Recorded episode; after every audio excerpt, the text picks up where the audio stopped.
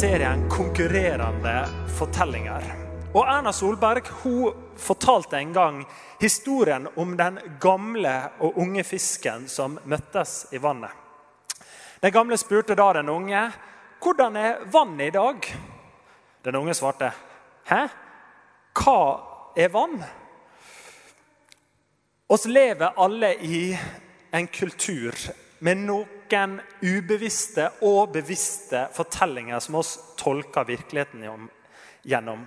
Og Det skjer med oss alle. Og også oss er som den unge fisken.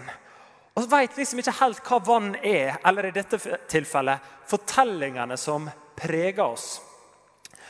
Og Mange av de fortellingene som preger oss, og som er rundt oss, de er gode. De kommer fra vår kristne og humanistiske kultur og tradisjon og arv. Men noen av disse fortellingene bryter med den bibelske hovedfortellingen. Og siden oss tror at fortellingene oss lever ut ifra, preger oss kanskje mer enn oss aner, så er vi nå i Færferdkirken valgt denne høsten å ha en serie som også er kalt 'Konkurrerende fortellinger'. Altså hør meg her, ikke fordi vi mener at alt i vår samtid eller kultur er galt. Tvert imot tror oss at oss lever i et av de beste samfunnene som har eksistert i historien. Men Paulus han anbefaler oss å være våkne, og det skal vi prøve å være. Så vi skal se på fire konkurrerende fortellinger i denne serien gjennom linsa av den store fortellingen i kristendommen. Skapelse, fall, frelse og gjenopprettelse. Og I dag er temaet fall, og det er fordi at for logistikken skal gå opp med meg og kona, så ble det fall på meg her, mens hun taler om skapelse i sentrum. Og så kommer hun tilbake hit og snakker om skapelse neste gang. Men da tar vi det verste først, så det er greit. Jeg vil begynne med dette spørsmålet her. Hva er den sekulære fortellingen om fall? En pastor som satt på et fly der han kom i samtale med en forretningsmann som var på jobbreise. Og Etter hvert som denne samtalen utvikla seg og de kom litt dypere, så drista denne pastoren seg med å spørre du, har du lyst til å høre det kristne budskapet. eller? Jo, forretningsmannen syns det, det er greit. Det kan jeg gjøre. Og Som virkemiddel for å illustrere dette klassiske poenget at oss er syndere og ikke når opp til Guds standard, så utfordra pastoren forretningsmannen om at han kanskje skulle rangere seg på en godhetsskala fra 1 til 10, der Jesus desidert var en tier og mer, og Jesus var, Jesus var tier, og så var mor Teresa en sjuer. Men virkemidlet det funka ikke helt sånn som denne pastoren hadde sett for seg, da denne forretningsmannen glatt plasserte seg på en sekser rett under mor Teresa. Han hadde ganske gode tanker om seg sjøl med andre ord, og tenkte at jeg er jo en ganske god mann, så en sekser høres jo riktig ut for meg. Og forretningsmannens rangering er ikke et unntak. For et trekk ved den sekulære fortellingen om fall er jo på mange måter nettopp det at det ikke er noe fall. Å se på mennesker som grunnleggende gode, om folk som gjør dumme ting, de sier oss han er jo god på bunda. Ikke sant? Men når noen viser seg å ikke være så gode og ordentlige som oss helst tenker folk burde være, så har vi en tendens til å bortforklare det med sår fra barndommen eller et eller annet sånt. En filosof, en filosof jeg las en artikkel om, han kalte det 'psykologiseringen av det onde'. Jeg kom også i prat med en pappa som har barn i slutten av barneskolen. og Han fortalte meg litt sånn overraska over at barna var så raske til å si om mennesker de så på gata som åpenbart hadde mye å stri med, han eller hun har hatt en vanskelig barndom. Med andre ord de er lært opp til et svært positivt menneskesyn. For det kreves en veldig vanskelig barndom for at det skal gå på skråplanet for noen. Men er det egentlig slik? Den sekulære fortellingen er på mange måter at oss er skapt grunnleggende godt, og at fallet skyldes ytre faktorer, ikke innenfra. Faktorer som sår fra barndommen, at du er blitt påstempla de feil identiteter, ført på avveie av noen andre osv. Det ligger med andre ord mener jeg, en rask vei til offerperspektivet i vår kultur og en tendens til å skylde på andre for det som er galt med oss på innsida. Og Tidsånden trekker lett på skuldrene, og så sier den noe sånn som det her. Du, jeg har gjort mye idiotisk, men jeg står for det. For anger er avleggs. Og Et betegnende eksempel på dette er at den mest brukte sangen i begravelser i England for tida ikke er en salme, men Frank Sinatras 'My Way'. Men en enda verre selvfortelling er kanskje selvforakten. Når oss blir fortalt at oss har uendelig med muligheter, et stort potensial, men så klarer ikke oss å innfri, så kan denne opplevde tilkortkommenheten fort legges på oss sjøl. Og resultatet er jo det vi er kjent med, at vi ikke føler oss særlig bra med oss sjøl. En siste ting jeg ville peke på i forhold til den eh, sekulære fortellingen, det er at den peker på uvitenhet som en sentral del av årsaken til at ting går galt. Uvitenhet på individnivå, uvitenhet på samfunnsnivå, som skaper dårlige strukturer som ødelegger for hverandre.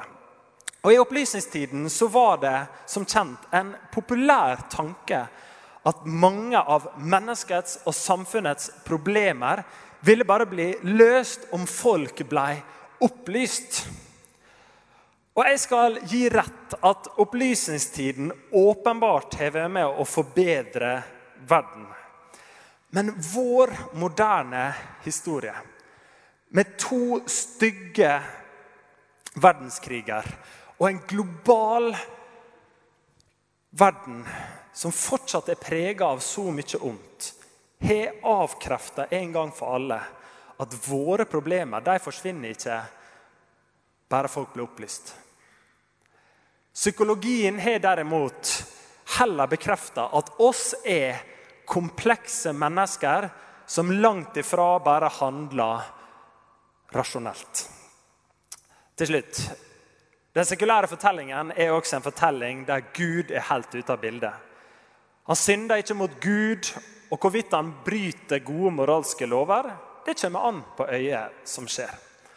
Ok, Dette er noen av de delene av den sekulære fortellingen sett gjennom linsen eller begrepet fall som jeg ville trekke fram. Og det er selvfølgelig mange perspektiver som kunne legges til, og helt sikkert ting jeg ikke har tatt med. Men jeg håper at du kjenner deg igjen i noe av dette her.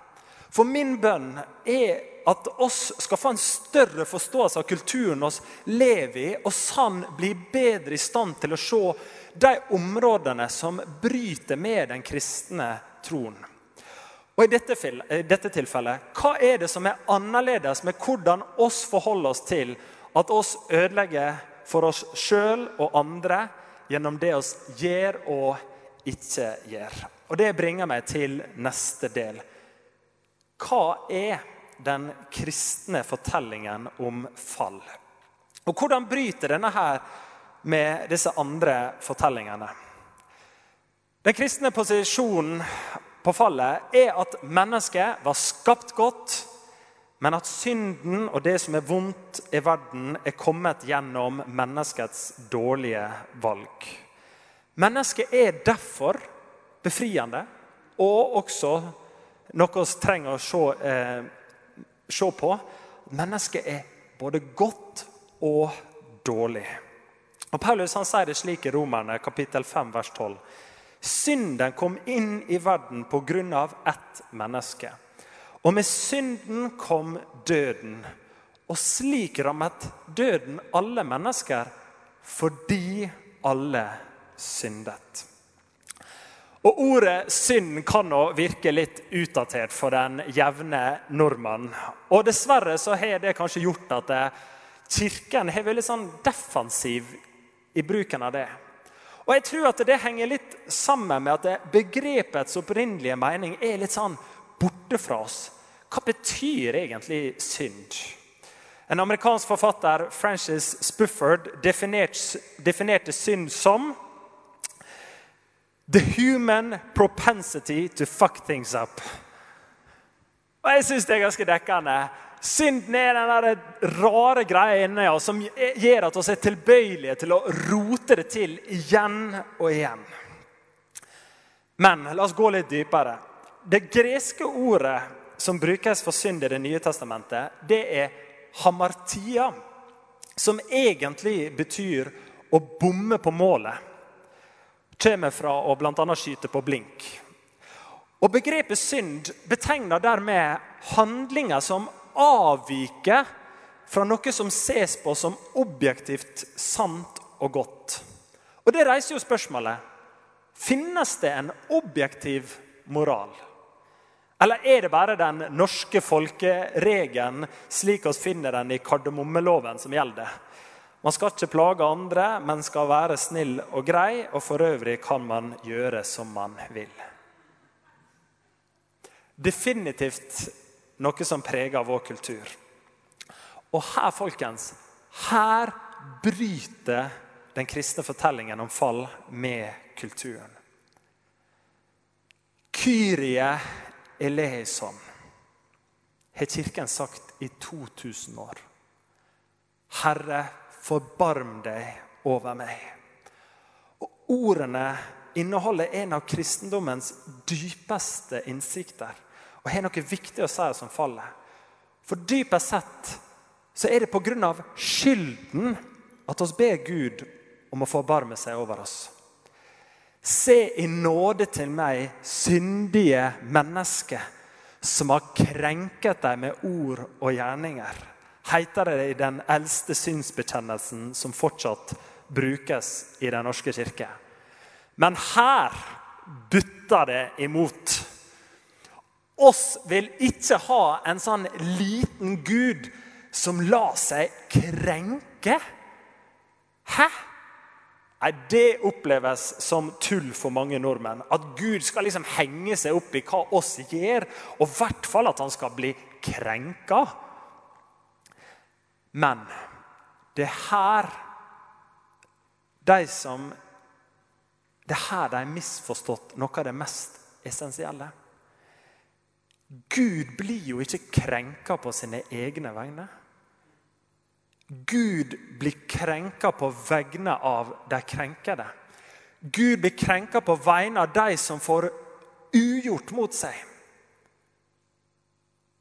Og En Gud som ikke kan krenkes, det er en Gud som er likegyldig til ødeleggelsene oss utsetter skaperverket for, inkludert deg sjøl og andre.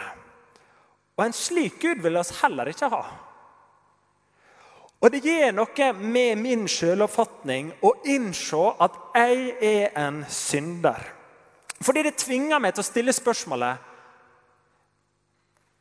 Kan jeg skade andre? Skader jeg kloden? det jeg samfunnet med måten jeg er på? Det utfordrer det positive menneskesynet. Og det er her mange bommer med sjølevalueringen akkurat som den amerikanske businessmannen. For når vi tenker på om jeg er en synder, så går umiddelbart tankene til de dumme tingene vi har gjort. Har jeg gjort noen dumme ting i det siste? Men vi glemmer å stille spørsmålet hva av godt har jeg unnlatt å gjøre i det siste? I det bibelske materialet så finner oss synd i form av misgjerninger, som er ting du ikke burde gjøre, men som du gjorde likevel, f.eks. at du var utro. Men han finner vel så mye unnlatelsessynder, som er ting du burde gjøre, men som du ikke gjør. F.eks. at du er meint til å holde en hviledag hellig men at du unnlater å gjøre det. Det er en unnlatelsessynd. Borgerrettighetsforkjemperen Martin Luther King bedømte i sin tid at unnlatelsen var kanskje minst like gale. han sier Perhaps the worst sin in life is knowing right and not doing it. Paulus beskriver også sin egen nærkontakt med sin egen synd. Han sier, 'Det gode som jeg vil, gjør jeg ikke.' 'Men det onde som jeg ikke vil, det gjør jeg.' 'Men gjør jeg det jeg ikke vil, er det ikke jeg som gjør det, men synden som bor i meg.' Folkens, Hvis vi er bare litt ærlige med oss sjøl, akkurat sånn som Paulus og evaluere oss i lys av de dumme tingene som er gjort, og det gode vi ikke har gjort, så tror jeg de fleste av oss kunne røkke opp hånda og si oss er kanskje ikke så fullt så gode som likevel. Enig? Og Hva betyr dette her da, rent praktisk for oss her helt til slutt? Hva er det du kan ta med deg hjem? Hvordan forholder vi oss annerledes til at vi roter det til å ødelegge for oss sjøl og andre gjennom det vi gjør og ikke gjør? Jo, ta med deg disse tre. Vi tar imot Guds nåde og tilgivelse. Vi forsøker å begrense de ødeleggende kreftene i oss, og så strekker vi oss etter å vokse i kjærlighet. Og Jeg vil begynne fra toppen. Jeg låner Timothy Keller, en pastor, sine ord. Evangeliet er dette. Vi er mer syndige og mangelfulle i oss sjøl enn vi noen gang trodde. Men på samme tid folkens, er oss mer elska og akseptert enn det vi noen gang kunne håpe på. Evangeliet er derfor de beste nyhetene til den som kjenner seg svak og hjelpeløs. Fordi Gud han kommer til deg med en utstrakt hånd. Han vil si jeg ønsker å tilgi deg, jeg ønsker å gjenopprette deg. Jeg har lyst til å fornye deg med min kraft fra min hellige ånd, så du får et nytt liv.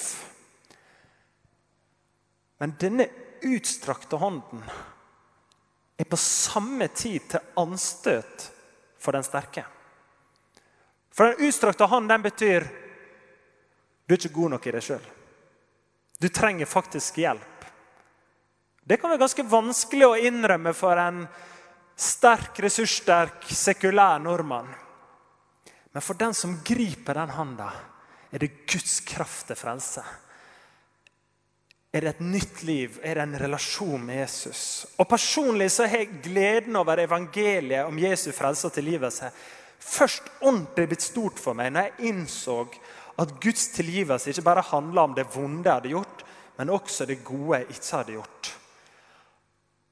At jeg, jeg kunne bare kjenne at Gud, du tilgir meg for min utilstrekkelighet i å følge deg, i å, etter å lese Bibelen og gjøre gode ting. At du tilgir meg min utilstrekkelighet etter å være en god pappa og en god ektefelle. At du tilgir min utilstrekkelighet å gjøre mitt beste på jobben og være en god venn og nabo. At jeg blir tilgitt for min likegyldighet.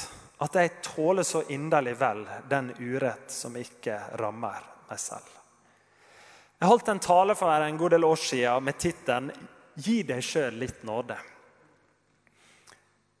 Og Guds nåde det har lært meg å senke skuldrene. Ikke senke ambisjonene. For jeg strekker meg etter det idealet Jesus har gitt meg. Men senke skuldrene.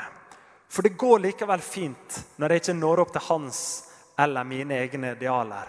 For han står der med sin kjærlighet likevel. For det andre oss kristne er kalt til å begrense de ødeleggende kreftene i oss. Og Et bibelsk uttrykk for det samme er at det gamle mennesket er korsfestet. Og så leser jeg Romerne 6,6. Vi vet at vårt gamle menneske ble spikret fast på korset sammen med Han for at synden skulle miste sin makt over oss. Derfor er vi ikke lenger slave under synden. Og Tradisjonell forkynnelse har lagt vekt på at korsfestelse det er en pinefull og langsom død. Og Når oss blir korsfesta, innebærer det å si nei til synden i lydighet mot Jesus, uansett hvor kjipt det er. Og så har han tenkt og resonnert. Det er uansett ikke vondere enn alt det Jesus gjennomgikk for oss. Men hør dette her. Kirkens poeng er likevel ikke å være hjerteløs mot sine medmennesker. Det er ofte blitt framstått i media når Kirken har prøvd å definere for konkret hva andre burde si nei til. Da har vi opplevd som hjerteløse. Men folkens, hovedpoenget er ikke å være hjerteløs.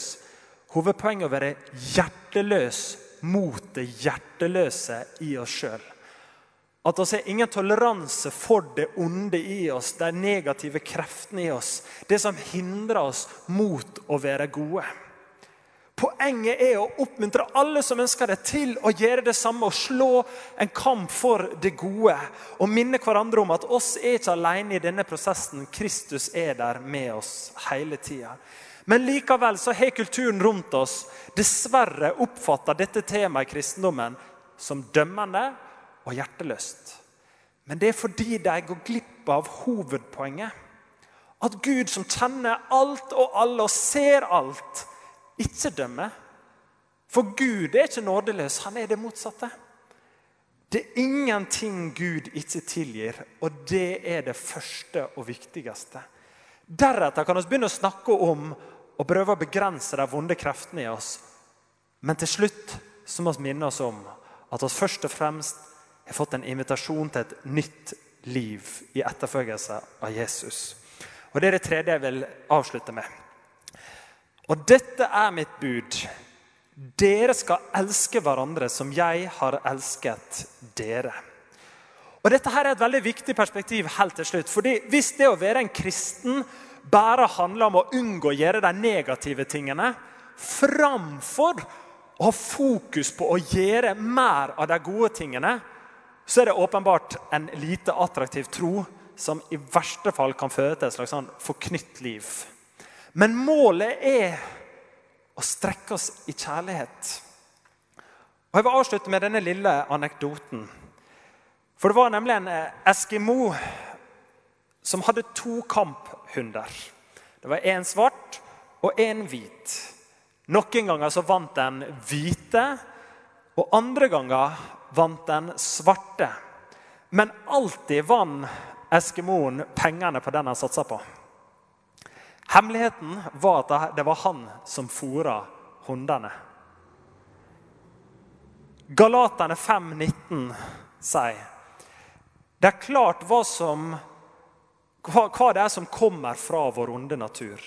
Hor, umoral, utskeielser, avgudsdyrkelse, trolldom, fiendskap, strid, rivalisering sinne, selvhevdelse, stridigheter, partier, misunnelse, fyll festing og mer av samme slag. Men åndens frukt er kjærlighet, glede, fred, overbærenhet, vennlighet, som er så sinnssykt undervurdert. Godhet, trofasthet, ydmykhet og selvbeherskelse. Det er kjøttet versus ånden. Det er det gamle deg versus det nye deg. Det er kampen mellom det gode og det onde i deg. Og Jesus han kaller oss til å la det gode få lov å vinne. Han kaller oss til å gi næring til den gode siden av oss. Og la den få lov å bli den vinnende størrelsen i vårt liv ved Den hellige ånd. Til det beste for deg og til velsignelse for vår neste. For det er det vi strekker oss mot. Å få lov å bære åndens kvaliteter, Guds kvaliteter.